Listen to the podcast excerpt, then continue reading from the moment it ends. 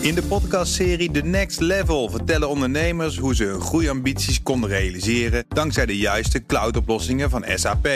Wat waren de uitdagingen, de oplossingen en hoe ging de uiteindelijke implementatie? Benieuwd naar hun verhalen en hoe zij met behulp van SAP ook hun toekomstige ambities kunnen behalen? Luister de podcast The Next Level via de BNR-app of je favoriete podcast-app.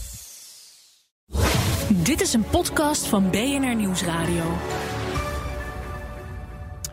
We hebben het nou wel de hele tijd over de Russen, maar de Amerikanen zijn ook geen lievertjes. Cyberspionage, dat is het onderwerp van deze aflevering van De Technoloog. Wie gluurt er mee naar je beeldscherm en waarom? Uw gastheren zijn Ben van den Burg en Herbert Blankenstein. We hebben te gast Arjen Kamphuis, hij is de CTO van Gendo, organisatieadviesbureau gespecialiseerd in technologische innovatie. En hij werkt voor Brunel, een IT-detacheringsbureau met veel aandacht voor cybersecurity. Welkom Arjen. Um, ben jij paranoïde? Uh, nee, ik zou jullie zeggen dat ik uh, iets bovengemiddeld geïnformeerd ben vanuit mijn vak.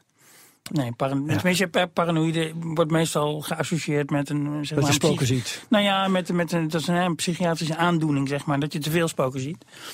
Uh, en ik denk gewoon uh, dat, uh, ja, op, op basis meestal trouwens gewoon van publieke informatie, hè, gewoon de Snowden-documenten en zo. Dat, ja, als je dat even goed leest en doordenkt en daar met andere experts over praat, dan, ja, dan is dat niet een vrolijk beeld. Maar het is dus wel een technisch realistisch beeld van, van dit is het niveau van spionage wat er, wat er plaatsvindt in de wereld. En ja, de elektronische kanalen zijn daarvoor heel dominant geworden, zeg maar, de laatste twintig jaar. Ja, ja, nou, wat dat beeld is, dat zal gedurende dit uur ja. wel uh, zo'n beetje duidelijk worden. Even ja, wat ben. ik, nou, ik ben zeker niet paranoïde. Maar wat ik wel leuk vind, Arjen, ik, uh, ik appte jou met WhatsApp en toen kreeg ik via Signal, en ik dacht, natuurlijk doe je dat, kreeg ik een berichtje terug. En dat vond ik direct ook, dacht van, ja, maar WhatsApp, dat is toch ook, maar dat is toch ook encrypted, dus waarom via Signal? Uh, ja, nee, ze gebruiken zelfs tegenwoordig dezelfde encryptielibrary. Dus de encryptie van WhatsApp is wel enorm verbeterd. Want Signal heeft uh, haar encryptiecomponent uh, zeg maar gedoneerd aan WhatsApp. Maar het probleem is dat de app die er omheen zit bij WhatsApp, dat is nog steeds van Facebook. Facebook en ja, ja. wat die allemaal verder doet op de achtergrond, ja, dat weten we dus niet. In ieder geval hebben ze metadata. In ieder geval, hebben ze, in ieder geval hebben ze metadata. En ja, uh, uh, of het ook mogelijk is om binnen die app uh, bijvoorbeeld selectief die encryptie af en toe even uit te zetten. Dat, dat is dus moeilijk vast te stellen. Ja. Hecht jij wel waarde aan encryptie, Ben? Eigenlijk? Ja, de laatste jaren wel. Maar ik, ik, daarom, ik wil ook heel graag een beetje de geschiedenis in. Want wat mij onwijs, onwijs opgevallen is dat de weet je, mensen zoals jij en ik, die zeiden in de jaren twee, nou ik niet hoor, en jij ook niet, maar heel veel, zeg maar, de eerste internetjongens, je moest in 2006, 7, 8, 9, moest je alles delen, delen, transparantie was king, en zelfs bedrijven moesten alles online, alle transparanties, alles, transparantie, alles. En dezelfde goeroes van toen, die zeggen nu alleen maar van uh, privacy, security, pas op, pas op. En dat komt natuurlijk allemaal door Snowden. Snowden is echt, ik denk, een van de belangrijkste, als ik nou kijk naar de laatste 15 jaar, die, die man is echt belangrijk geweest. Die heeft echt voor die ja. ommekeer gezorgd dat nu privacy security gewoon hoog op de agenda staat. Dus ik vind, uh, en, en ik zelf, ja, ik dacht er toen eigenlijk over na en nu ook wel. Voor mij is er niet veel veranderd, maar toch wel iets meer. Ik vind, meer als grapje doe ik het nu. Zegt ik er waarde? Ja. En jij volgens mij, jij bent iets feller dan ik, uh, merk ik altijd. Ja, ik ben ook veel minder fel geweest. Ik heb ook wel gezegd van ja, ja, privacy. Elke keer dat, uh, dat, dat ik uh, uh, iemand hoor pleiten voor privacy is het theorie. Elke keer als ik bezwaren hoor, dan, dan, dan zijn het praktische voorbeelden. Maar ik geleidelijk, en dat komt ook door Snowden hoor, ben ja. ik veel bewuster geworden. En ik, ik zet tegenwoordig elke paar weken zet ik wel weer een stap in het, in het verder bevorderen van mijn privacy. Maar, wat en signal gebruiken is daar dan weer een ja, recente ja, ja. van. Hè? Maar ik vind het wel leuk misschien even een rondje maken wat je dan concreet doet. Dus ik zou even voor mezelf, is heel makkelijk. Ja. Uh, ik heb hele goede wachtwoorden. Ik, uh, nou, Signal gebruik dan af en toe, maar ook WhatsApp. Ik had er nog meer hoor. Um, nou, daar kan ik nu even niet opkomen. Als jullie even eerst gaan, dan kom ik wel weer de andere nou ja, ik, ik kan je vertellen dat ik sinds kort al mijn stuff weer uit de cloud aan het halen ben, bijvoorbeeld. Zo. Ik, uh, ik vertrouw dat voor geen cent meer. nou, ik had een keer die, de voorwaarden voor Dropbox en Dat. van Google Drive gelezen. Nou, dan schrik je je echt. Die mogen ook die s- spu- dingen veranderen. Die documenten mogen ze aanpassen. Ik heb Je Dropbox er als eerste uitgeflikkerd trouwens, omdat ik erachter kwam dat Condoleezza Rice eh, daar commissaris was. Ja. Ja. Ja, dat was dan wel een, een, een break voor mij ook. Nou, ik was daarvoor inderdaad met Dropbox ook al, ook al klaar. Eh, nee, ja, ik doe alleen dingen online eh, zetten die eh, eh, zeg maar niet meer een vertrouwelijke status hebben. Hè. Dus bijvoorbeeld als ik ehm, een presentatie ergens heb gegeven en veel mensen willen hem graag hebben. Dan heb ik eh, zo'n mega-account, die is dan encrypted, maar dat, nou, dat beschouw ik verder niet als een echte verdediging tegen iets speciaals. Mega is ook een Eh, clouddienst. Mega is, Ja. is ook een Op Dropbox-achtige dienst Nieuw-Zeeland gevestigd. in dus Nieuw-Zeeland. eh, met, met, met, met iemand die een grondige hekel heeft ook aan onder andere de Amerikaanse overheid. Ehm, eh, en dus nou ja, dat is iets minder erg dan Dropbox. Ik be- Ik beschouw het niet als heel veel beter beveiligd, maar marginaal beter beveiligd. En dan kan ik dus een grote file online zetten, mensen een link sturen. Prima. En dan hebben ze een pdfje van 50 MB met allemaal high-res foto's. En dat was dan mijn presentatie. Dus dat, dat is eigenlijk een beetje wat ik met cloud-achtige dingen doe. In de zin Ja. van, van dingen buiten mijn computer. En verder beschouw ik gewoon dat als het mijn laptop verlaat en het is niet versleuteld, dan ga ik ervan uit dat het dan nou niet publiek is, maar niet meer geheim, zeg maar. Dat ik Ja. er niet meer de baas over ben. Ik ga er gewoon vanuit dat alles wordt onderschept en ook vastgelegd, bewaard. Ik wil even een cliffhanger maken als mensen denken van... hé, hey, dit wordt een podcast alleen maar gevaar, gevaar, gevaar. We gaan in het tweede gedeelte, wil ik heel graag ingaan... Waarom is Wat dat, kun je- geva- wat wa- kun je waar doen? is het belangrijk? Weet je, dat, dat zeg maar wat je, eh, Ja. wat je net zegt, alles is openbaar. Ja, is, is, is dat erg als ik kijk naar de jeugd? Dus waar wil ik straks? Ik wil eerst nog even van wat we doen. En, en, Tijd genoeg. Ja. Ja, precies.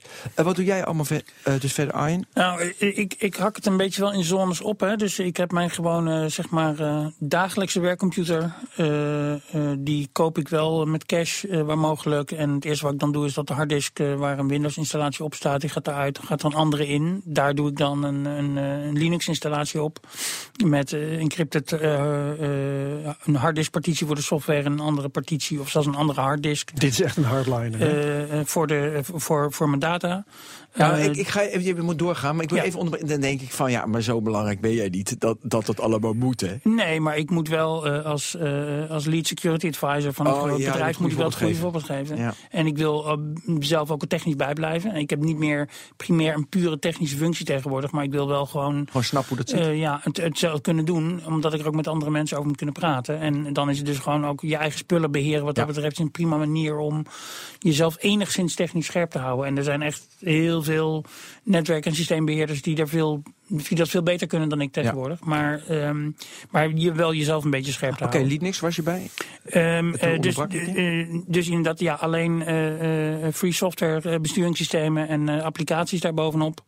Ehm ja, en dat is dan mijn dagelijkse werktop, laptop. En als ik bijvoorbeeld samenwerk met bijvoorbeeld journalisten of klokkenluiders uit de inlichtingenwereld, wat ik ook wel eens doe.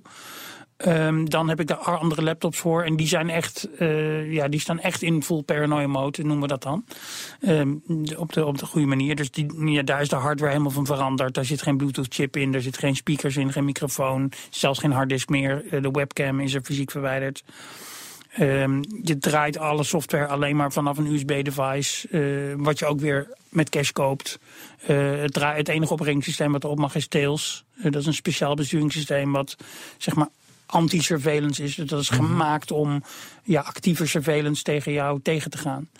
Ehm, en eh, nou ja, door, door, dus ik heb mijn gewone reguliere werk waar ik inderdaad eigenlijk spullen wil gebruiken die in principe in mijn ogen iedereen zou kunnen gebruiken. Ook al doet niet iedereen het.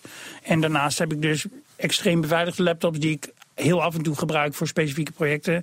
Die, eh, nou ja, ja, dat is echt wel werk om die te gebruiken. Dus ik gebruik hem ook niet de hele dag, want dat is gewoon niet comfortabel, zeg maar. Maar als je die, die full paranoia mode gebruikt, beschouw je zo'n systeem dan als echt veilig? Of alleen maar als eh, zo veilig mogelijk? Nee, het is altijd zo veilig mogelijk. Ja. Kijk, het, het is altijd een kwestie van hoeveel middelen wil iemand anders besteden om jou af te luisteren. We weten vanuit Ja. de Snowden-documenten dat ehm, eh, de CIA en NSA samen hebben technologie om eh, gewoon op een scherm te kunnen kijken van 15 kilometer afstand. Dus op een gegeven moment moet Ja. jij jouw mailtje toch decrypten om hem zelf op je scherm te kunnen lezen. Ja. En op dat moment Ja, dus, dus dit maar, het is maar een kwestie van wat is het budget wat je tegenstander Ja, wil Ja, spenderen. Op een gegeven moment moet je ook eh, oppassen dat je niet, zoals ik nu, met, met eh, je laptop zo zit... dat iemand vanaf de straat met een telescoop hem gewoon kan bekijken. Nou ja, nou ja, maar zelfs dat is dus niet nodig. Dus er is technologie met, met microgolfstraling om van, Ja. eh, vanaf, een, vanaf een overvliegende drone de stralingsemissie van jouw scherm uit te lezen en op basis daarvan te kunnen reconstrueren wat er op het scherm staat. En, en, en dus, dus als het niveau van middelen wat, wat de aanvaller tegen jou inzet maar groot genoeg wordt, dan kan je daar als individu of als kleine organisatie niet tegen verdedigen. Dus grappig, ik heb onlangs, eh, dat weet je ook, Bill Binney geïnterviewd. Dat is een, een klokkenluider van voor Snowden. Ja. En die zei, ehm, volgens mij zei hij het in een documentaire, dat weet ik niet helemaal zeker meer, of, of dat hij tegen mij zei, dat loopt bij mij nou door elkaar. In ieder geval dat hij, ehm, als hij iets aan anderen stuurt, dat hij dat bij voorkeur niet geëncrypt doet. Want als doet hij dat wel, dan vestigt hij de aandacht op die ander. Nou, wat, Dat wat, vond ik wel een wat- originele wat, wat, redenering. Wat, hij, wat, hij, wat hij zegt is, kijk, hij weet dat hij als individu, omdat hij eh, eh, ja, als klokkenluider vertrokken is bij de NSE. Ja. eh, en daar een hele, hij is een van de, ja, de waarschijnlijk de meest senioren NSE-klokkenluider ooit. Eh, hij was technical director toen hij, toen hij vertrok, vlak na 9-11, omdat het dus inderdaad, nou ja, de, de massasurveillance die tegen zijn protest werd ingevoerd, die had dus evident gefaald in het voorkomen van die aanslag. Ja. Ehm, daarom is hij toen ook weggegaan. Ehm, eh, en hij zegt gewoon van ja, dus ik, ik sta nog steeds gewoon op, eh, op het lijstje van vervelende mensen voor de Amerikaanse overheid. En dat, dat is ook zo. Hij heeft ook gewoon een FBI-team met getrokken pistolen in zijn badkamer gehad en zo om hem te intimideren. Ehm, en, en als hij dus inderdaad encrypted gaat mailen met iemand, eh, dan is er de kans dat die andere persoon daardoor in moeilijkheden komt. Eh, Ja. En inderdaad, er is ook een goede kans dat die andere persoon niet technisch in staat is om te verdedigen, zich te verdedigen tegen de NSA. Maar er is ook een kans dat iemand in moeilijkheden komt, sowieso als je met Bill Binney communiceert. Lijkt mij. Eh, d- d- nou ja, je komt, je komt misschien wel iets hoger op een een of ander vervelend lijstje te staan. Dat Maar zou mijn, kunnen, mijn ja. punt is eigenlijk, eh, als je je zo tot de tanden wapent, als jij nou net beschrijft, is het dan niet ook zo dat je de aandacht op jezelf Absoluut, vestigt? Want ja. dat doet lang niet iedereen. Ja, absoluut. Ja. Is dat niet een argument om dat dan maar toch achterwege te laten? Eh, nee, want, want dan, kijk, dan zeg je feitelijk gewoon: oh, de vijand is heel machtig. eh, dus we kunnen ons best allemaal maar overgeven. En Ja. dan is het dus gewoon game over. Ja, maar dat, wat mij heel erg opvalt altijd in deze discussie, het is. ehm, je hebt namelijk, je gaat in hetzelfde fout vallen als we al decennia vallen, of eeuwen. Dat, dat de goede en de kwade. En, het is, en, het, en we gaan nu ons beschermen. Dus er is, weet je, ze kunnen ons, eh, nou, ze kunnen achterhalen wat we doen. Dus we gaan, zeg maar, meer security. En ik geloof niet zo, want dan worden zij sterk en zij sterk. Het is als, als met doping in de sport, weet je, wie gaat er winnen? Het is als we, eh, dus met, eh, met inbrekers ga ik mijn huis beter beveiligen. En mijn computer kunnen ze inbreken, moet ik mijn computer beter beveiligen. En volgens mij is dat oud denken. En ik hoop dat we juist in de digitale wereld Hoezo is dat oud denken? Dat Nou, is toch nee, dat is juist Volgens mij is het, Dat is is traditioneel- ja, dat is gewoon van alle tijden. Ja, weet ik. Dat is Ja. nou, niet oud, dat is traditioneel denken. Ook niet nu, en ja. ik hoop dit komende 40 minuten met ons, en ik weet niet of dat gaat lukken, ook op een andere manier nog te komen. Dus dat we niet traditioneel. Er is een gevaar, ik bescherm het, want dan zit je weer in het oude denken. Ik hoop dat we naar een derde mogelijkheid komen, dat, we, dat, dat, dat het automatisch gaat. En ik, ik weet Nou, nu... dat, dat- het, lijkt, kijk, het lijkt mij geweldig als eh, bijvoorbeeld de Amerikaanse overheid, laten we die even als voorbeeld nemen, want daar hebben we veel informatie over. eh, als die zich zou houden aan haar eigen wetgeving en aan het VN-verdrag voor de rechten van de mens, waar ze mede opsteller van zijn. En als ze dat doen, dan hadden we nu een hele andere discussie. Ja, maar maar maar, vertel maar de, werkelijkheid, de werkelijkheid vandaag is dat dat de Amerikaanse overheid zich het recht voorbehoudt om iedere computer ter wereld te hacken zonder eh, eh, dat er enige beperking aan is. Ja, maar er is dus een wet dat ze dat niet mogen. Maar vertel even hoe het zou moeten. En dan kunnen we. Nou, hoe het zou moeten is dat natuurlijk, dat natuurlijk overheden eh, gewoon hun eigen wetten respecteren en de wetten van andere landen en het mijn en dijn. En dat ze zich dus niet het voorrecht behouden om zomaar eh, in jouw of mijn computer te kijken zonder dat daar een hele zwaarwegende reden voor is. Zoals je En- een en- huiszoekingsbevel moet hebben als je naar Ja. een huis dus de, re- de, instapt. re- de reden dat ik dus niet zeg maar eh, inderdaad eh, een kogelvrije deur heb met stalen balken, is omdat ik er nog steeds vanuit ga in West-Europa dat overheden niet zomaar mijn huis binnentreden. zonder inderdaad een huiszoekingsbevel. En volgens mij is dat in grote lijnen ook meestal zo. Ja. Maar in de digitale wereld hebben we dat beschavingsniveau helaas nog niet bereikt. En, en dus zitten we daar nog meer in de Wild West situatie, waarbij iedereen gewoon inderdaad uh, zijn eigen pistool uh, om zijn om zijn heup uh, ja. bindt. Om, omdat dat het enige is wat er is, zeg maar. Omdat die, die, die, die law and order die we in de fysieke wereld de afgelopen paar eeuwen een beetje hebben gecreëerd, en die is niet perfect, maar die, is, nou ja, die bestaat wel, zeg maar. Um, dat, dat, bestaat in de digitale wereld Denk je wel dat dat beschavingsniveau, zoals jij dat noemt, dat we dat gaan bereiken in de digitale wereld? Is er hoop wat dat betreft? Het, het, nou ja, het zou kunnen, maar ik zie zeker de, de, zeg maar de, de, de grote landen van deze wereld op dit moment zie ik op dit moment de andere kant op bewegen. Ja, wat want in, ook in Nederland uh, hebben we sinds kort die uh, wet computercriminaliteit ja. 3, uh, die in ja. sommige kringen de hackwet wordt genoemd, ja. waardoor de politie ook dat soort vergaande ja, Dus de politie heeft allerlei extra bevoegdheden gekregen, waarschijnlijk trouwens om legaal te maken wat ze in de praktijk al deden. Hè? Ja. Uh, en dus de hele simpele vraag die ik ook aan de voorstanders van dat ding zou willen stellen is: joh, mogen we over vijf jaar een evaluatie? En gaan jullie ons dan aantonen dat het oplossingspercentage van criminaliteit in Nederland significant verbeterd is? Ja. En ga je dan ook nog liefst aantonen dat het komt door die hackwet? En, en als je dat, dat niet kan, zullen we hem dan heel snel weer afschaffen. Je zegt het op een toon alsof je die evaluatie eigenlijk niet verwacht. Nou ja, ik heb, er is nergens over gesproken. Er is, nergens, er is überhaupt nergens gezegd dat, dat, dat men nu zich commenteert aan een verbetering van de oplossingspercentage van criminaliteit. Ja. met de extra verkregen bevoegdheden. Ja, maar wij moeten hier met oplossingen voor komen. Dus wat moeten wij ze adviseren? Wat moeten we doen waardoor het wel lukt? Nou ja, ik zou, ik zou dus. Ik, ik heb in de hele uh, discussie rond die hackwet nergens iemand horen zeggen van oké, okay, wat verwachten we nou van, qua resultaten daarvan? Iedereen zei, we hebben dit nodig, want enge mensen. Ja. Maar ik vind dat je moet zeggen, nou wij verwachten dat als we deze extra bevoegdheden krijgen als overheid en we die op gepaste manier gaan inzetten, ja. dat het resultaat daarvan zou zijn dat we 2,5 keer zoveel mm -hmm. criminaliteit van dit type gaan oplossen. En over, en, en over vijf jaar zullen we dat dus evalueren. En als we er dan tot de conclusie komen dat het niet werkt, for whatever reason, dan zullen we dus ook die bevoegdheid weer teruggeven. Als de overheid zelf in zijn gesprek hierover op die manier erover praat, zou dat mij een warm gevoel geven dat men daar rationeel mee bezig is. Maar wat ik nu de indruk die ik krijg, is dat de overheid gewoon zegt: meer bevoegdheden, meer bevoegdheden, meer bevoegdheden. Maar letterlijk ja. niet in staat is om zichzelf de vraag te stellen: helpt het überhaupt tegen het gestelde probleem? Ik, ik, ik, heb niet het idee dat iemand daar okay. überhaupt mee bezig is. Want ik hoor het gewoon nergens. En dat maakt mij bezorgd over het feit dat dus, dus een soort grab, een, een, een, een landje-pik is Landje van bevoegdheden. Zonder enige reflectie op de vraag. Mm -hmm lost dit nou ook echt een probleem op? Of, of vindt iemand dit gewoon lekker speelgoed, zeg maar? En zijn er allerlei cyberweapons verkopers, ook in het Haagse, die graag allemaal uh, tooling verkopen, zonder dat... Ja. He, wordt, gaat nou het hoeveelheid gestolen fietsen en verkrachte mensen in Nederland, gaat dat nou omlaag?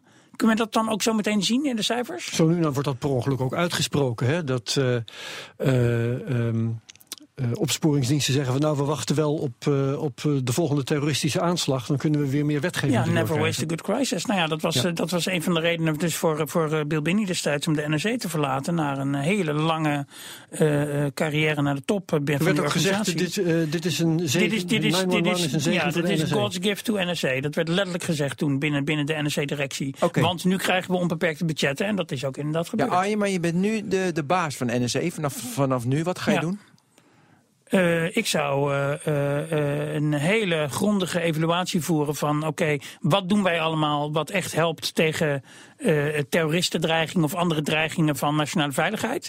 Ik zou een groep instellen om het begrip nationale veiligheid juridisch te gaan definiëren. Dat lijkt me wel handig. Ja, als op basis daarvan namelijk oorlogen begint en, en, en, mensen doodschiet, dan lijkt me. Maar dat is dus over het algemeen is dat niet een gedefinieerd begrip. Dat betekent dus dat je er politiek alle kanten mee op kan, levensgevaarlijk.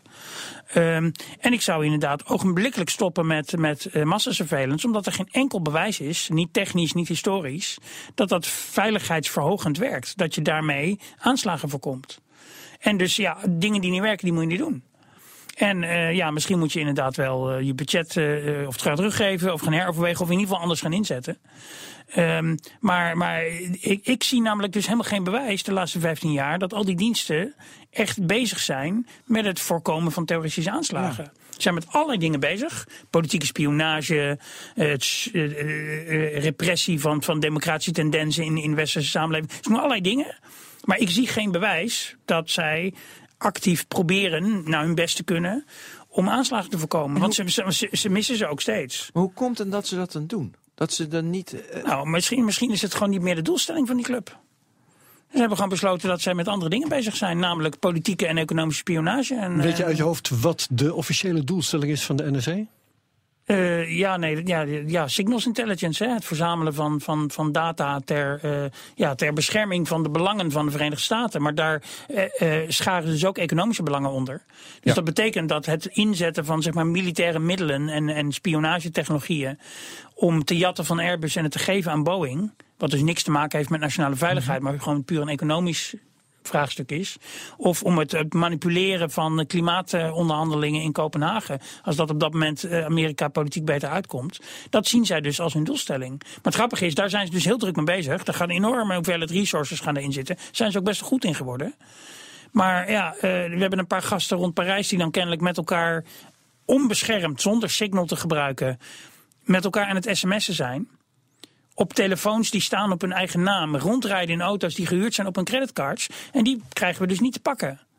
Dus ja, sorry, wat zijn we nou aan het doen? Ja, je bent heel druk bezig met het over, afluisteren over van terroristen of Ja, zo. ja. Ja. Ja, de terroristen terroristische Parijs, aanslagen in Parijs Ja, en die, die- daarvoor ja, in Parijs ja. en die daarvoor in Londen en Bali en Madrid en in New York, die zijn allemaal dus niet voorkomen. Ja. Die zijn allemaal niet voorkomen. En die aanslagen, daar kunnen we het toch over eens zijn. Dat al die Zeker, aanslagen zijn dus niet voorkomen. En dat, dus het heeft dat er weer geen niet encryptie werd gebruikt. eh, En, en, dat is ook en, en dus bekend. bijvoorbeeld toen met de aanslagen in Parijs. ehm, het bloed op de stoep was nog niet droog. Of de eerste Europese politici begonnen zich al uit te spreken tegen encryptie. Want dat was de bron van alle kwaad. Tweeënhalve dag later leren we dus dat die jongens met elkaar sms'en zonder encryptie. Maar dus de politici hadden hun oordeel al klaar. Zonder dat ze überhaupt de meest elementaire feiten over die aanslag kenden. En dat zien we dus steeds weer in deze discussie.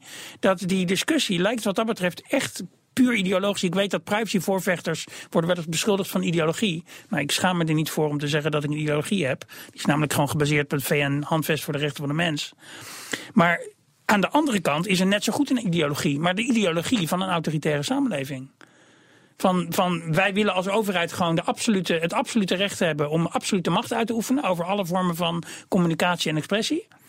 En, en de vraag of dat ook helpt tegen het eh, gestelde doel van eh, het pakken van eh, eh, eh, kinderverkrachters of, of terroristen, dat is niet eens een vraag die gesteld wordt. Laten we dan even overstappen naar de macht van, eh, van de NRC. Mhm. Wat kun jij samenvatten wat de NRC allemaal kan op dit moment? Nou ja, er is heel weinig eh, eh, eh, dingen die gebeuren in elektronische systemen die zij niet kunnen bekijken, waarnemen of manipuleren. Is het zo algemeen? Ja, zo algemeen kan je het wel stellen, ja. En, en systemen hoeven ook niet per se verbonden te zijn met het internet om de NRC toch mogelijkheden te geven. Hè? Zoals de nucleaire installatie in Natanz. Die was eh, 10 meter onder de grond in een, in een atoombunker. Extremely offline. En daar hebben ze toch een virus naar binnen weten te Via krijgen. Stuxnet. Eh, Via het Stuxnet-virus Ja. is daar toch eh, een virus naar binnen En in een ander geval, zoals je net zei, eh, zei eh, kunnen ze via Eh, eh, ja, elektromagnetische straling. elektromagnetische straling, En eh, de- de- ja, de- buitengrenzen. En dat blijkt dus, dat weten we ook mede dankzij Snowden. Weten we daar dus ook technisch nu veel meer van dan inderdaad een paar jaar geleden. Toen we natuurlijk wel in theorie er wel ideeën waren over ongeveer wat, wat, wat eh, de capaciteiten waren van de NSC. Maar we hadden niet de technische details. En nu Ja. hebben we die wel. Maar dat soort dingen, als je nu jij net noemt, hè, nucleaire installaties of het, het eh, mee koekeloeren naar beeldschermen. Ja. eh, dat doen ze toch, mag ik aannemen, alleen wanneer je een heel speciaal belang hebt voor Nee, ja, maar er is dus geen bewijs voor dat dat zo is.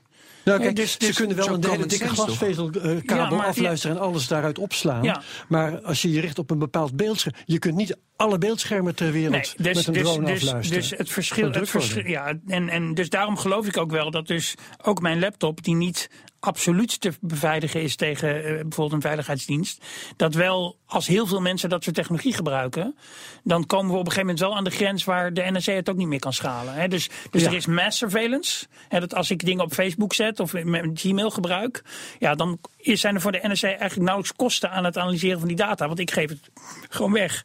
Als ik natuurlijk wel dingen doe en zij moeten niet makkelijk opschaalbare technologieën gaan inzetten om dan achter mijn Ja. data te komen. Op dat moment, zelfs al is, is mijn privacy niet absoluut. Hè, want het heeft namelijk te maken met, willen ze 10.000 dollar per dag uitgeven aan, aan mij of 100.000 of een miljoen.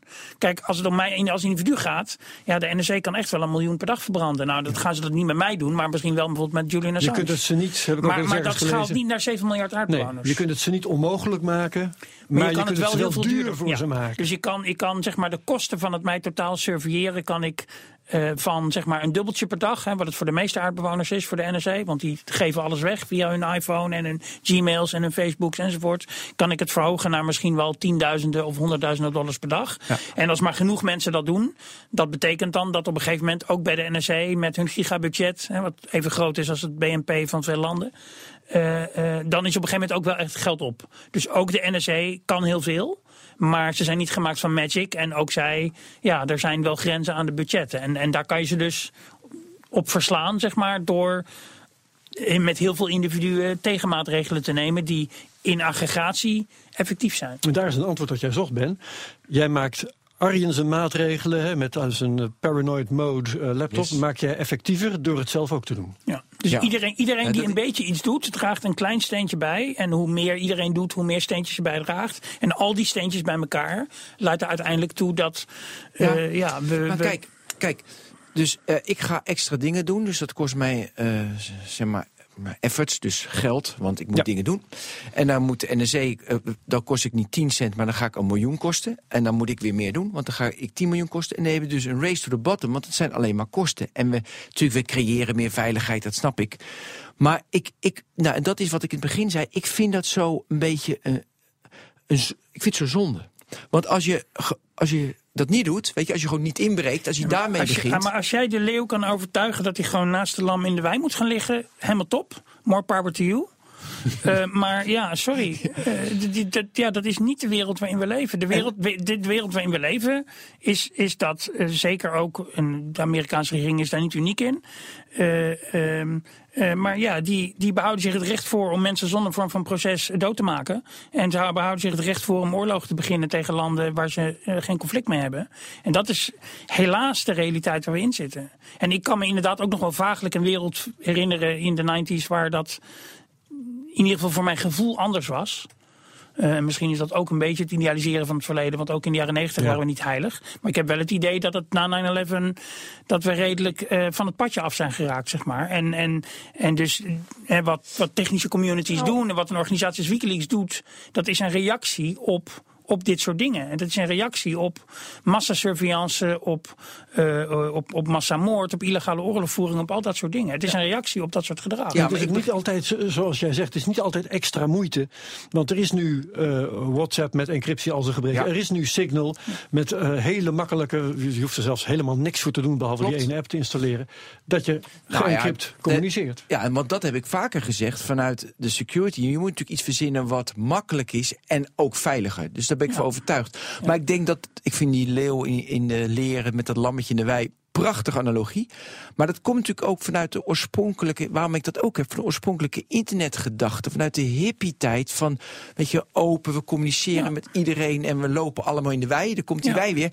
En dat is nu, weet je, dat is volledig weg. Vanuit onschuld de jaren 70, de onschuld, de onschuld is is weg. En daar zit ook een pijn in. Ja, Gewoon absoluut. rauw. Ja. ja, nee, dat, dus, maar die, die, die pijn die voel ik ook wel. Ik was ook uh, inderdaad uh, toen het nog allemaal...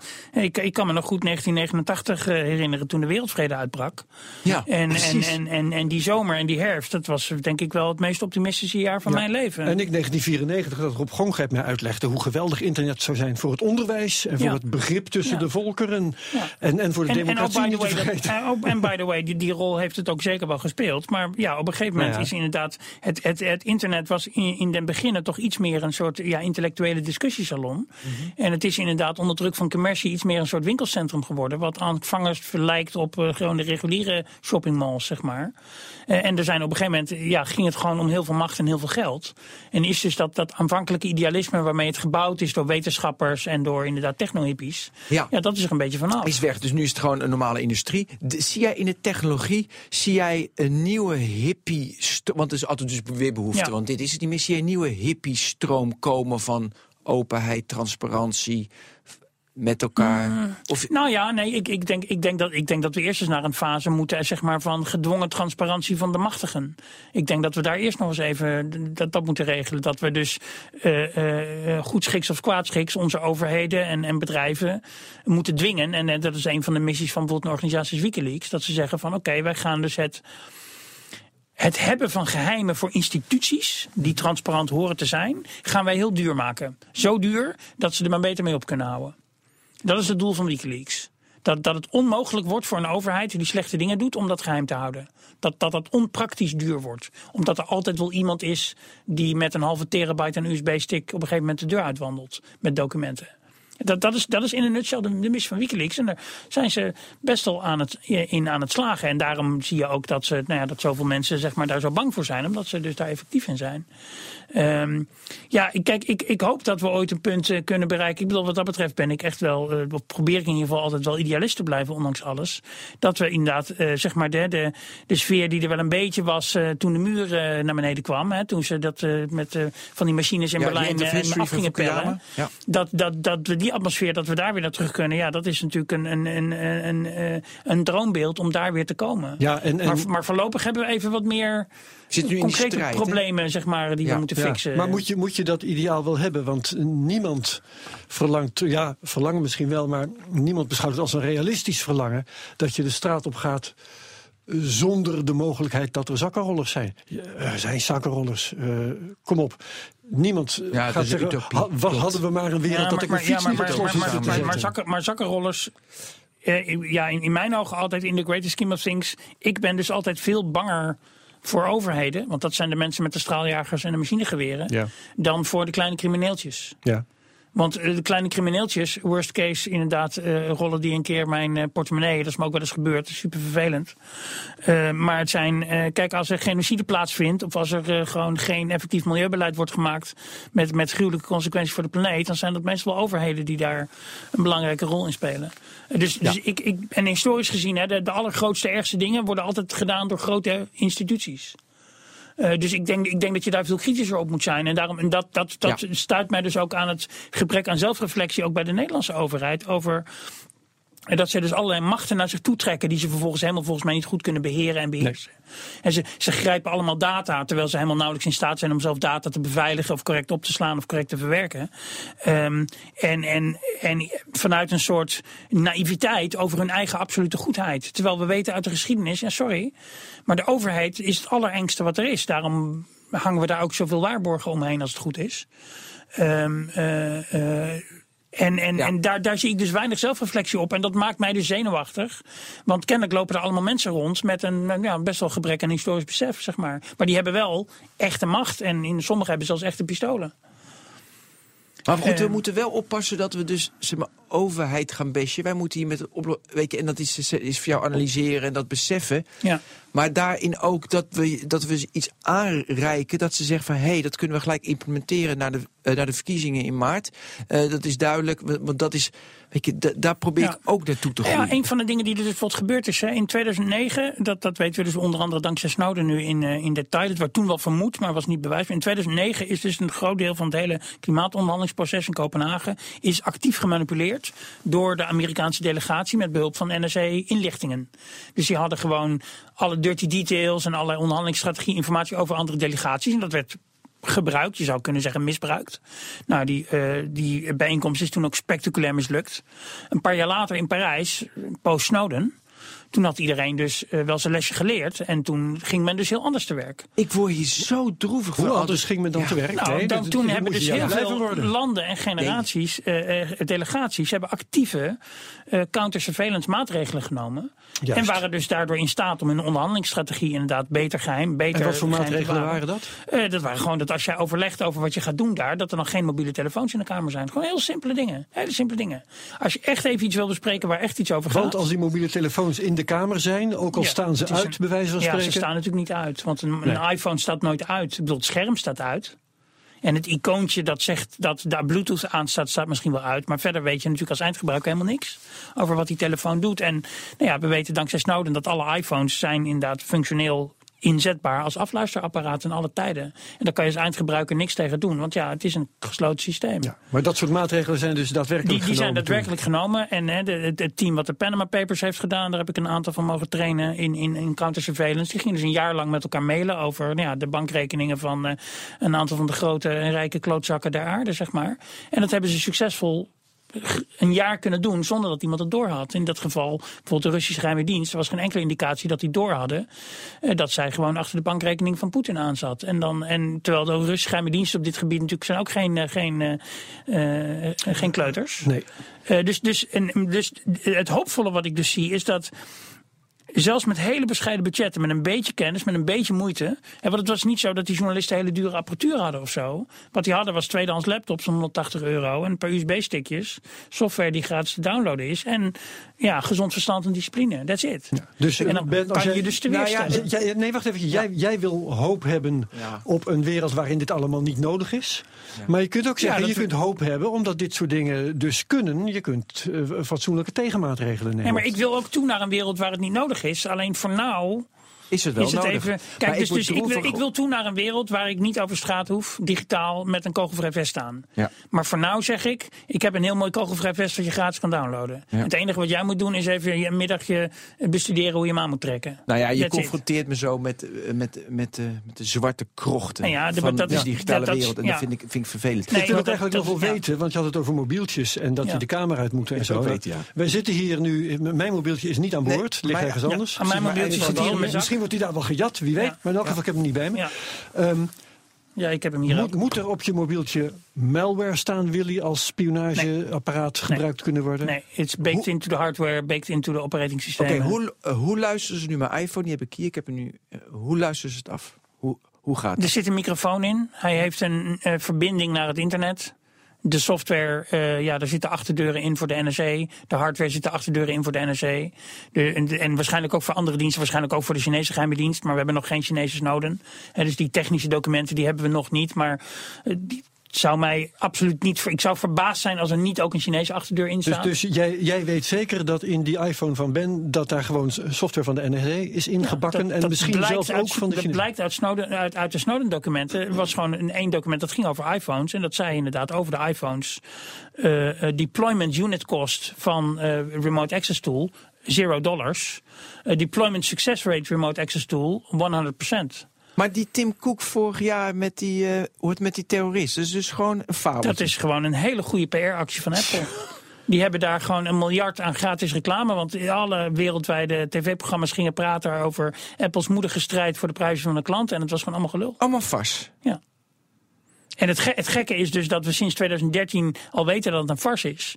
Maar dat de meeste journalisten dat op een gegeven moment niet hebben opgepakt. Dus die zijn toch weer mooi meegegaan met ontzettend mooi gedaan van Apple met hun, hun, hun mooi verhaal, zeg maar. Want, want het was natuurlijk een heel mooi verhaal. Hè? Het is een, een, een, een moedige ondernemer die Ja. strijdt voor de rechten van zijn klanten. Dat is Ja. natuurlijk een prachtig verhaal wat we graag willen geloven. Maar het spijt me, het was allemaal gelul. Ik Ja, weet- sorry. Ja, ik, ik, ik, ik, eh, ik zak steeds verder weg. Ik wil ook nog heel graag, als dat kan, over het internet. Weet je, het Chinese internet, het Amerikaanse internet. het- Ja. Dus dat internet Ja, niet meer vergeet één. het Russische internet. En Russisch Het internet Russische natuurlijk. internet, Ja. Eh, hoe kijk je daar tegenaan? Nou ja, wat je, wat je ziet is dat onder andere onder, onder zeg maar inderdaad de dreiging van de, van, van de macht is van een buitenlandse partij. Dat bijvoorbeeld Rusland en de Chinese overheid zeggen van nou we gaan een aantal dingen zelf regelen. En dus eh, de Chinese overheid bouwt al meer dan tien jaar haar eigen besturingssystemen. Ook gewoon op basis van Red Hat Linux trouwens, maar heeft wel Ja. een eigen smaak.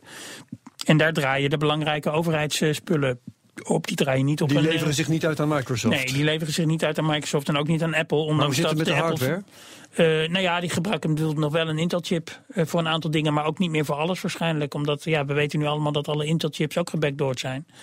Ehm, eh, en het Het geldt fijne hetzelfde voor als voor die iPhone. Hetzelfde eh, voor- als voor die iPhone. Dus dat geldt ook inderdaad voor alle, in ieder geval alle eh, Intel-chipsets na 2009. Eh, maar ja, het fijne is als je inderdaad natuurlijk als overheid een beetje schaal hebt en je hebt eh, de broncode van al je eigen software, dan kan je het ook op een andere chip gaan draaien.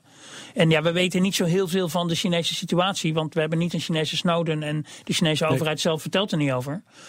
Ehm, maar die hebben natuurlijk wel de massa en het technische kunnen eh, om gewoon zelf dingen te gaan regelen. En zelfs als dat dan een beetje wat moeite kost en een beetje geld, dan kan je gewoon op strategische gronden zeggen van ja, wij gaan niet ons ministerie van Defensie draaien op spullen die vanuit Washington kunnen worden uitgezet als het ooit eh, spannend wordt. En, en dus met name China en Rusland zijn daar vrij ver in om dit gewoon helemaal door te voeren. Eh, Rusland is na Snowden gewoon voor eh, hun meest kritische defensieactiviteiten teruggegaan naar mechanische typemachines. Die hebben 25.000 mechanische typemachines besteld bij een Duits bedrijf. Dat is die zomer gemaakt.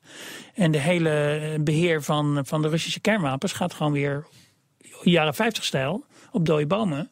Want zij zeiden van ja, maar daar hebben we goede protocollen voor. Dat hebben we vroeger dus ook zo gedaan namelijk. Dus dat weten we hoe dat moet, veilig. En, nou, en dat kunnen we begrijpen en dat kunnen we beheren. En ja, dan kost het maar wat meer moeite. Maar dit is zo belangrijk, dit mag zo niet fout gaan. Dat, nou ja, dan, dan pakken we maar de pijn even van, die, uh, van dat gedoe, zeg maar. Als het maar belangrijk genoeg is. Dan gaan we een tijdperk tegemoet dat Amerika niet meer per definitie onze bondgenoot is Mhm. in Europa. Ja. Dus eh, moet Europa ook over op dode bomen als het gaat Nou, om... niet op dode hun, eh, bomen, maar wel misschien op eigen chipsets bijvoorbeeld. Ja. Eigen software, eigen chipsets, ja, dat lijkt me absoluut. Eh, Europa besteedt eh, zo'n 250 miljard per jaar nu aan Amerikaanse software, clouddiensten, licenties, eh, allerlei spullen. Ja, waarom zouden we dat niet staat gewoon zelf allemaal doen? wagenwijd open op dit moment jou ja, voor- dat staat allemaal open. En daar worden dus inderdaad Europese bedrijven ook mee leeggestolen. Dat weten we ook dat dat gebeurt.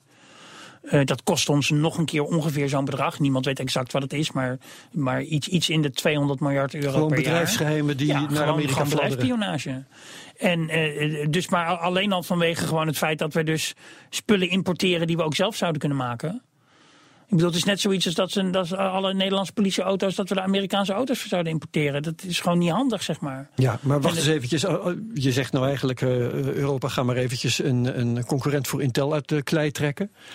Ehm, om van andere bedrijven nog maar even te zwijgen. Maar eh, Europa probeert wel eens vaker zoiets. Ik herinner me dat er een Europees initiatief was om tot een eigen zoekmachine te komen. Ja, Nou, toen maar heb ik dat al was inderdaad, hartelijk ja, nee, ja, dat was natuurlijk volkomen verpolitiseerd. En, dan, en dat ontaarde binnen Ja. een week in de discussie over of het hoofdkantoor dan in Frankfurt of Parijs moet staan. Maar hoe dat- krijg je dan wel een fabrikant van fatsoenlijke Nee, computerhardware? dus, maar, maar, ik- kijk, ik zeg, ik, maar ik zeg niet dat dit, dat dit simpel is. En ik zeg niet dat je dit even binnen drie jaar kan doen. Of Ja. dat, het, dat het. En ik zeg ook zeker niet eens dat het gegarandeerd is dat het lukt. Ik zeg alleen dat als je het niet doet. Nee.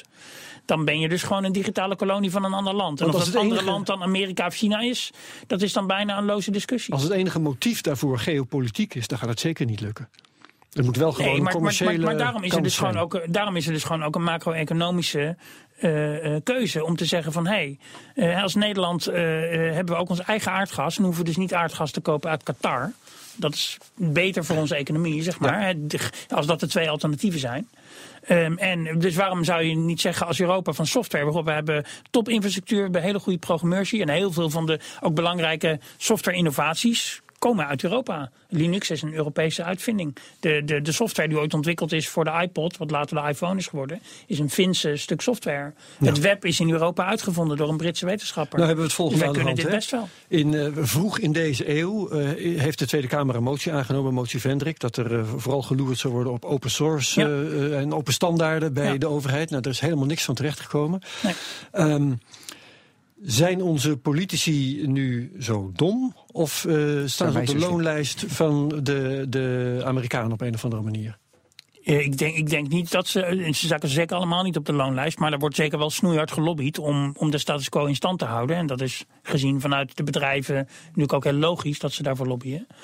Eh, maar daar moet, je, A, daar moet je dus al bewust van zijn. En dat er dus heel veel quasi-rationaliteit is in de manier waarop wij bijvoorbeeld software kopen. In de, ook in de publieke sector, maar überhaupt in Nederland.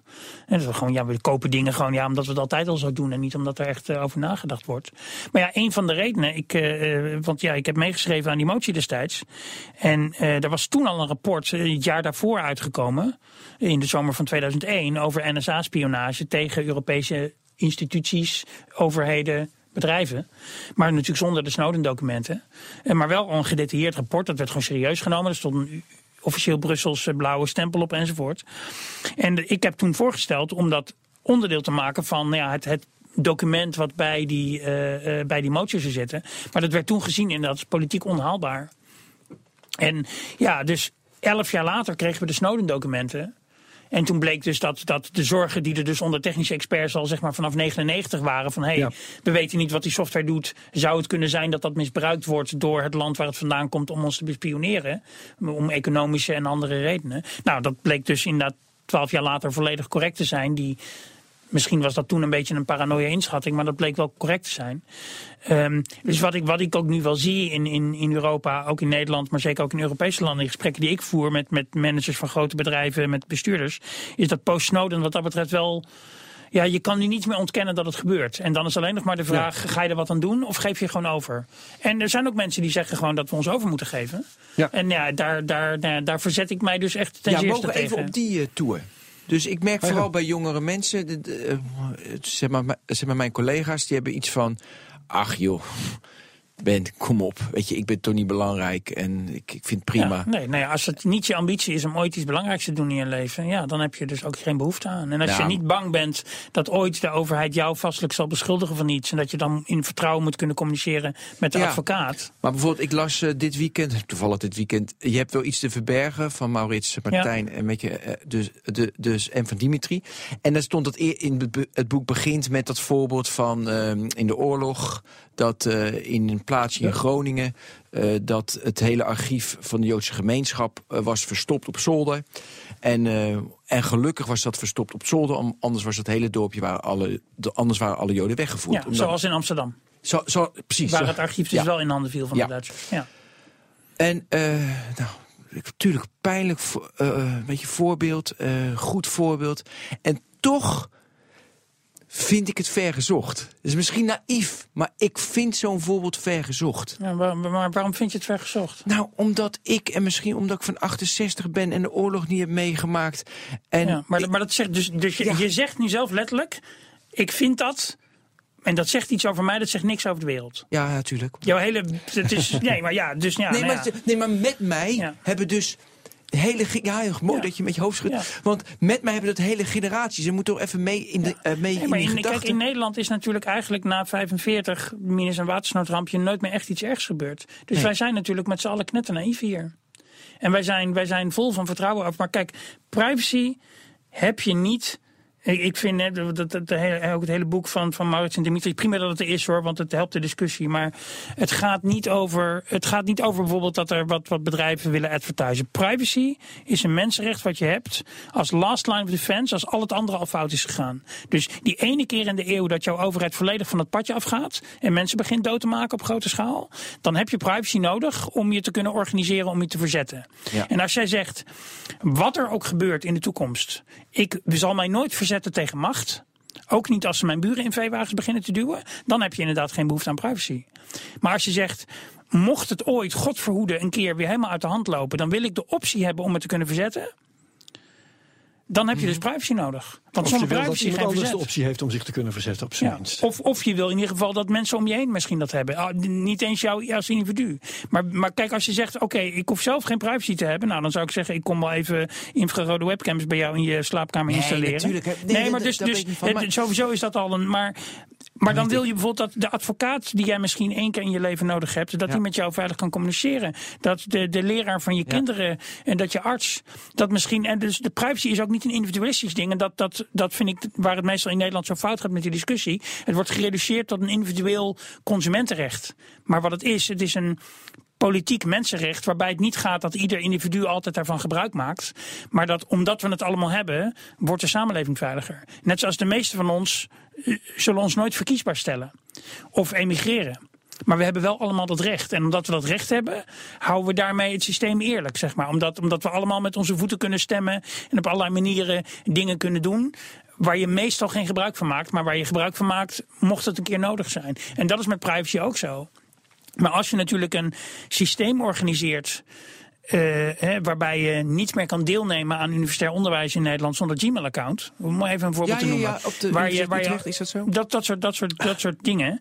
Eh, eh, waar op een gegeven moment we cash geld gaan afschaffen. Dan, dan creëer je dus een, een, een, een ecosysteem in de samenleving. Waarbij als er ooit een keer iets fout gaat. Hè, wat in de jaren twintig, toen in Nederland al die mooie eh ponskaartjes zijn gemaakt met een jeetje erop van sommige mensen. Toen had natuurlijk ook niemand door wat er twintig jaar later zou kunnen gebeuren. Dus het, het, eh, maar we individualiseren dus het recht op privacy in Nederland altijd heel erg. Of we betrekken het op, op, op dingen inderdaad als eh, naar welke porno surf je en dat soort relatief politiek onbelangrijke Privacy is zaken. iets verzekerd. Precies. Terwijl het, het, het, het gaat om inderdaad een ecosysteem waarbij de minderheid van de samenleving die zich verzet. Als het een keer echt fout gaat, dat die dat kan. En dat de meerderheid dan nog steeds passief is en die meedoet. Nou ja, dat, is dan, dat, is, dat, dat is dan altijd de tragedie. Ehm, maar als je een situatie creëert waarbij niemand dat meer kan doen. Ja. Ja, dan. dan ja, maar kijk, dan, Arjen, dit dus- is natuurlijk een onwijs mooi betoog, hè? Ja. Vind ik zelf. Ehm, maar als dus als Rutte dit hoort, of de politiek dit hoort, dan, dan schrikken ze zich toch kapot kapot. Nee, ik, ik denk, ja, nee, ja, ik, kijk, het is natuurlijk in Nederland nauwelijks een discussie, helaas. Maar ja, ja dat, is natuurlijk, dat is, ik bedoel, wat dat betreft geloof ik wel in dat cynische uitdaging, hè, dat een, een land krijgt een regering die het verdient. En dat geldt inderdaad voor Nederland, eh, vrees ik ook wel een beetje inderdaad. Dat je, kijk, als de meerderheid van ons allemaal Naïef is. politiek niet geïnteresseerd is en naïef. En, en, en tegen eh, het meest elementaire historisch besef in naïef is over wat macht is. Ja, vroeger of later eh, word je dan, krijg je een keer een deksel op je neus als samenleving. Ik wil de discussie nog eventjes een andere kant Ja. op sturen. Ja. Iets andere kant. Eh, verkiezingen, we hebben het gehad over de macht van de Amerikanen... Ja. en eh, politici die al dan niet bij Amerikanen onder de plak zitten. Maar we hadden ook nog Russen. Ja. eh, die ervan beschuldigd worden de Amerikaanse verkiezingen te hebben Ja. gemanipuleerd. Ja. Ehm, hoe zit het met de, de macht van de Russen over wat hier gebeurt? Nou, de, de, de Russische geheime diensten zijn natuurlijk eh, zeer competent. Hè, hebben een ruim een eeuw ervaring in infiltratie en het manipuleren van, van eh, andere organisaties en dat soort dingen. De, de KGB, de voorganger van de FSB, de huidige dienst, is een van de allerbeste ter wereld met, met ja, een eeuw ervaring. Dus die kunnen echt wel wat. Het, het gekke is alleen in deze discussie op dit moment dat er gewoon geen enkel bewijs is. Ik heb echt wel redelijk gelezen en ik heb letterlijk gisteravond nog weer met twee ex-NSA-medewerkers, waaronder Bill Binney, zitten praten in Wenen. En eh, ja, onder de, de, de inlichtingenklokkenluiders die komen uit NSA, CIA, FBI, eh, West-Europese eh, counterterrorism en, en, en contraspionage, die zeggen allemaal, ja, de New York Times en de Washington Post en CNN roepen heel hard nu dingen over de laatste Amerikaanse verkiezingen. Maar wij, wij hebben gewoon geen bewijs gezien. Dus het, Ja. het, het klinkt weer een beetje als 2003. maar en, ze roepen het op, op basis van rapporten van de geheime diensten. Ja, maar, maar, wat, maar is, wat kan het motief zijn voor de geheime diensten om de bal bij de Russen te leggen? Eh, nou ja, omdat eh, eh, Hillary was altijd wel de kandidaat die meeging met het Pentagon en de diensten in het opvoeren van een conflict met Rusland. En Trump wil juist deescaleren. Trump, wat dat betreft, lijkt politiek veel meer op zo'n soort jaren twintig isolationist. Die gewoon zeggen van luister, ik ga geen conflict aan met dat andere land met heel veel kernwapens, want ik zie helemaal daar het nut niet van in. Ja. En en atoombomontploffingen zijn slecht voor real estate, dus dat, dat gaan we niet doen. Ehm, en, en dus die is veel meer van de de-escalatie, waarbij inderdaad gek genoeg Hillary eh, als democraat veel meer van een escalatiepad was. Ook de laatste jaren, ook in haar rol als minister van Buitenlandse Zaken, was zij actief bezig met juist het escaleren van het conflict met de Russen. En, eh, En, en, en in een ja. wereld waar Trump de baas is, zijn de geheime diensten minder machtig. Misschien wel, ja. Misschien En wil hij ze wel ze- inperken. Ja. En proberen ze een pootje te lichten. Dat zou dit niet de nou, eerste keer laten zijn. we duidelijk zijn, de speculatie van onze kant. Nou ja, het is, het is, het is, nee, het is de mening van. eh, we zullen een linkje in de show notes kunnen we zetten. Er is net een brief gepubliceerd van een hele verzameling westerse voormalige medewerkers van dit soort diensten. En die zeggen allemaal: eh, eh, meneer Obama, eh, uw diensten beweren dingen die een conflict creëren met een ander land. Eh, ja, put up. Dus bewijzen of kappen met die onzin. En dit zijn dus ex-NSA-medewerkers, ex-CIA-medewerkers. Dat zijn echt experts op dit gebied. En die zeggen allemaal: we call bullshit. Ehm, en dus, dus aangezien zowel de diensten als de overheid een, een, een, nogal eh, eh, geschiedenis hebben de afgelopen 15 jaar van liegen en bedriegen op dit gebied. En deze mensen eh, hebben een, eh, goede track record over diezelfde periode dat ze problemen correct voorspellen en correcte analyses doen. Dan ben ik toch geneigd hen te vertrouwen, zeg maar. Dus, eh, de, maar het is, het is, ik, heb, ik zie het echt met verbazing aan hoe ook dus in Nederland het, de stelling dat de Russen het gedaan hebben, waar geen enkel bewijs voor is, is gewoon een soort feit geworden. En mensen, het is nu gewoon de baseline waarop we discussiëren. Dat in plaats iedereen. van een punt van discussie. En dat is gewoon de afgelopen drie weken gebeurd. Het is heel curieus. Ja, hoe komt dat? Ja, ik, ik, nou ja ik, ik zie het met verbazing aan hoe gewoon mediasystemen elkaar nalullen. Maar niemand gewoon de simpele vraag stelt. hey, die, die CIA die beweert nu iets. Oh, dat was dezelfde club mensen die in 2003 zei dat ze dan bijna een atoombom hadden. En daarom moesten we naar Irak toe. Dat is letterlijk Nou, dat- dezelfde club, hè? Dat heeft, dat heeft Donald Trump zelf onmiddellijk gezegd. Ja, Ik niet precies. graag Als een van de weinigen. eh, ja. Nee, als een van de weinigen. Dus, dus ik, ik- kijk, ik heb, ik, heb, ik, heb, ik heb niks met Trump. Hè. Ik, ik, denk dat, ik denk dat Trump voor buitenlands beleid voor de rest van de wereld marginaal minder slecht is dan Hillary. En verder denk ik allemaal dat het niet zoveel uitmaakt voor, voor, de, voor de meerderheid van onze aardbewoners die geen Amerikaan zijn. Ehm, maar als het gaat om inderdaad een, een, een- dit soort conflicten, dan denk ik inderdaad dat, dat eh, nu Trump president wordt, de kans van een groter conflict met Rusland is kleiner. En ik denk dat Ja. het voor Europa prettig is. Wat is er trouwens mis met het eh, een beetje stoken in de verkiezingen van een ander land? Nou ja, kijk, als, als we zeggen uh, landen die stoken in de verkiezingen van andere landen moeten geboycott worden, dan mag Amerika wel bovenaan de lijst. Want die hebben natuurlijk dat meer gedaan dan enig Precies. ander land in de geschiedenis. Het is gewoon iets van eh, 60 of 70 landen waar zij regime change hebben geïngineerd. En niet alleen met het verspreiden van net, Eh. Nee, ook wel eens met, met, met eh, agressievere middelen in Iran en Chili. En eh, nou ja, heel veel. Er is een lange lijst landen. eh, Ze Ja. staan op Wikipedia. Ehm, dus, dus, dus, maar ook, ook dus daar weer in de, de dubbele standaards die we steeds in dit soort berichtinggeving. Dat ja, maakt mij ook dat ik heel veel van dit soort media gewoon niet meer serieus kan nemen. Omdat ik denk van ja, maar. Oké, als je weigert om de standaard die jij toepast op, eh, op, op Rusland, als je die weigert die toe te passen op je eigen overheid of op, op Amerika, ja, wat voor journalist ben je dan? Wat, denk je überhaupt wel na over wat je aan het opschrijven bent hier? Ehm, maar jij zegt dus eigenlijk, ja Ben? Nou ja, nee, ja, ik heb een beetje een ander onderwerp. Oké, nou ja, even ter, ter afronding van dit deel. eh, jij zegt eigenlijk, eh, Trump is niet zo schadelijk als wel geloofd wordt.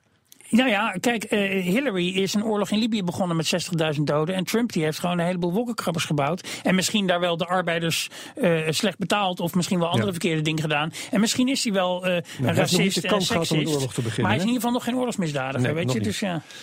Nee, oké. ja. Jij wil Ja, een ander onderwerp nog aansnijden. nou ja, ik zoek heel erg toch naar hebben nog eh, een minuut of eh, naar vijf. Oh, mooi. Kijk, want ik zoek meer. mooi. Dat is precies ook een mooie afronding. Want ik zoek ook heel erg naar, weet je, eh, ma- oppassen, oppassen, macht, oppassen, beschermen jezelf. Wat kunnen we doen? Ja, Dat wat is eh, het leuke eraan? Wat is het prettige aan dat ik op moet oppassen? Wat, wa- waar we ook vrolijk, ik wil ook wel een beetje Ja, vrolijk. ja, ja, ja, ja. ja. Nou, ja, nou ja, het- het- ja, niet, niet altijd is alles even leuk. Ik kan er heel Nee, opgewekt van worden. Maar als, ik, als- ik, ik word er heel Ja, opgewekt ja, van dat, je met.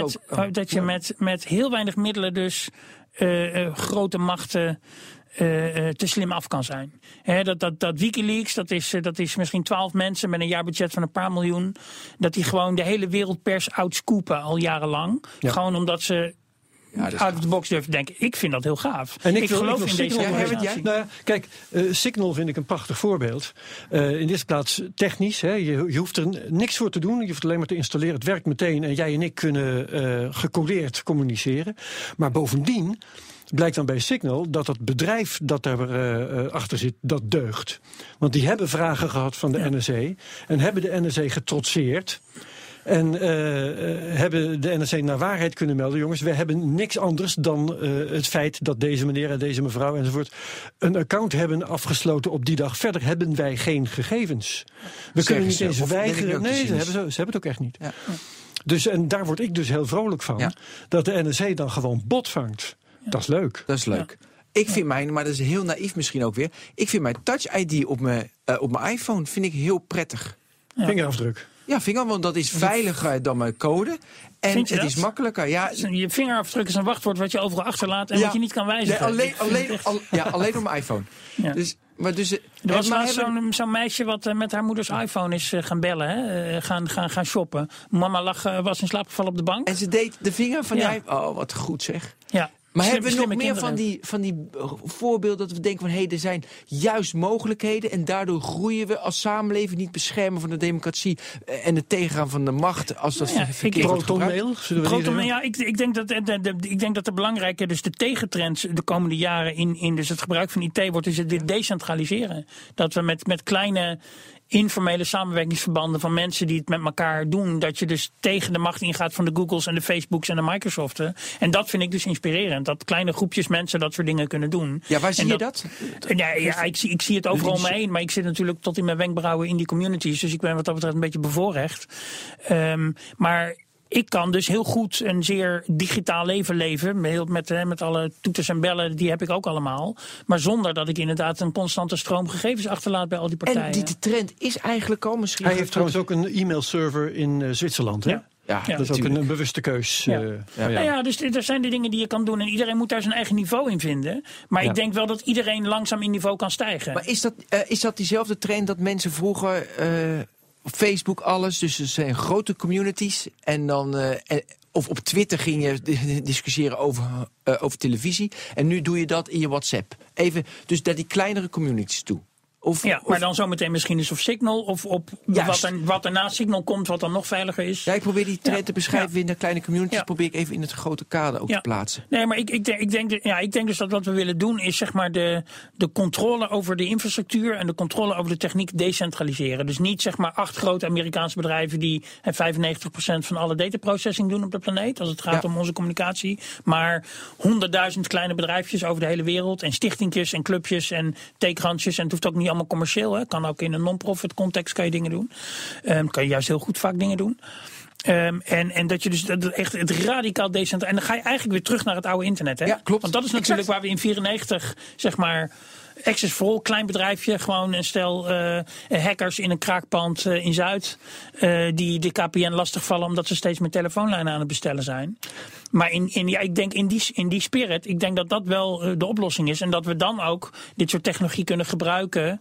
Meer weer voor, voor die belofte die we ook toen hadden in de 90s. Hè, van dat het inderdaad onderwijs, kennisdeling, democratisering, dat dat soort dingen dan weer de boventoon gaat voeren in plaats van commercie. Ja, maar het gevaar is wel, ik keek naar de keynote van Amazon in december die ze hadden. En toen hadden ze precies dit beschreven. Hè? Dus zeg maar kleine communities, dat werd weer, eh, dat werd, eh, dat was zeg maar decentraal, dat werd centraal. En dat wordt uiteindelijk weer decentraal. Dus Amazon, Ja, die maar, ziet het maar decentraal die- op het Amazon-platform is natuurlijk niet Nee, decentraal. precies.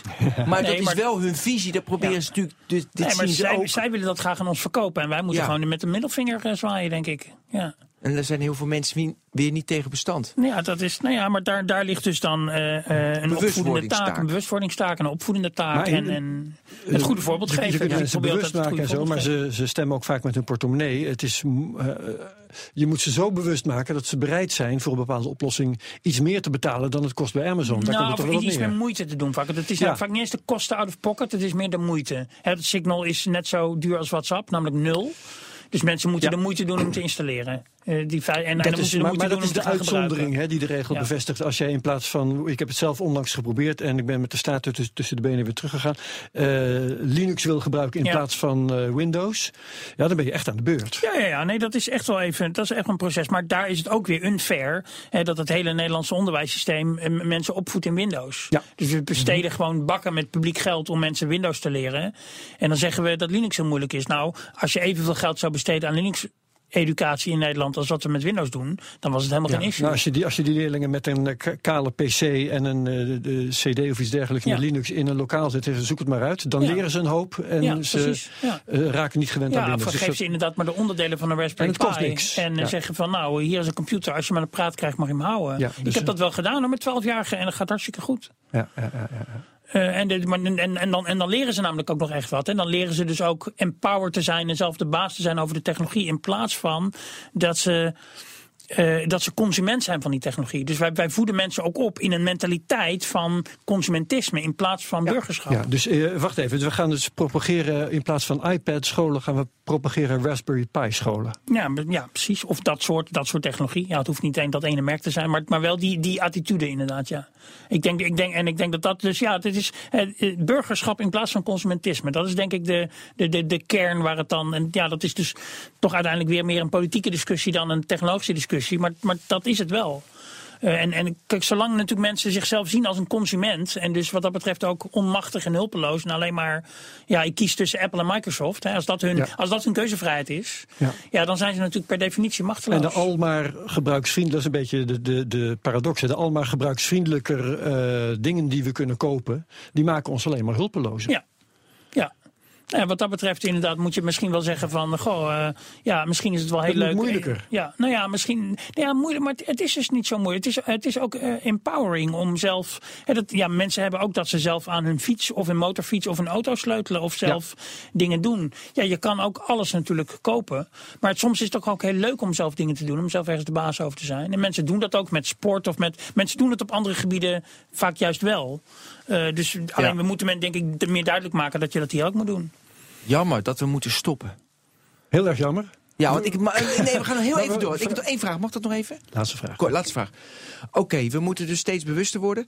Eh, en we moeten dus tegen, die, eh, de, eh, zeg maar, tegen de, eh, dus die machten moeten we oppassen. Maar mensen moeten het zelf, moeten ze het verzinnen. Stel je voor, we gaan doorzetten van, joh, het wordt steeds makkelijker. Het maakt niet uit. Dan zeg jij de geschiedenis heeft geleerd, dan gaat het fout. Ja. ja? Ja. Maar dat hoeft toch niet in de toekomst ook te gebeuren? Nou ja, maar ja, als het in het verleden altijd zo is gegaan, dan is het wel. En, en als er ook duidelijke tendensen zijn van.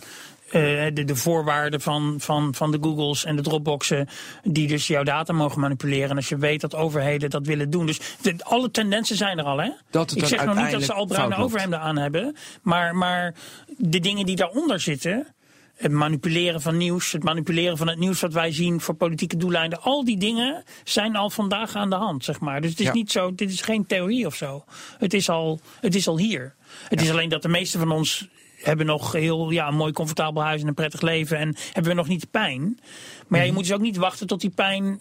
eh, je moet niet wachten tot ze je buren in veewagens duwen. Dan is het te laat, zeg maar. Je moet daarvoor iets doen. Het voor zijn. En dat is ook de les van de geschiedenis, denk ik. Dankjewel. Nou, Ben, in ieder geval. ja, ik Ben ben van den Burg. Bedankt. Mijn Herbert, naam is Herbert Blankenstein en we danken onze gast Arjen Kamphuis. Dit was de Technoloog. Tot volgende week.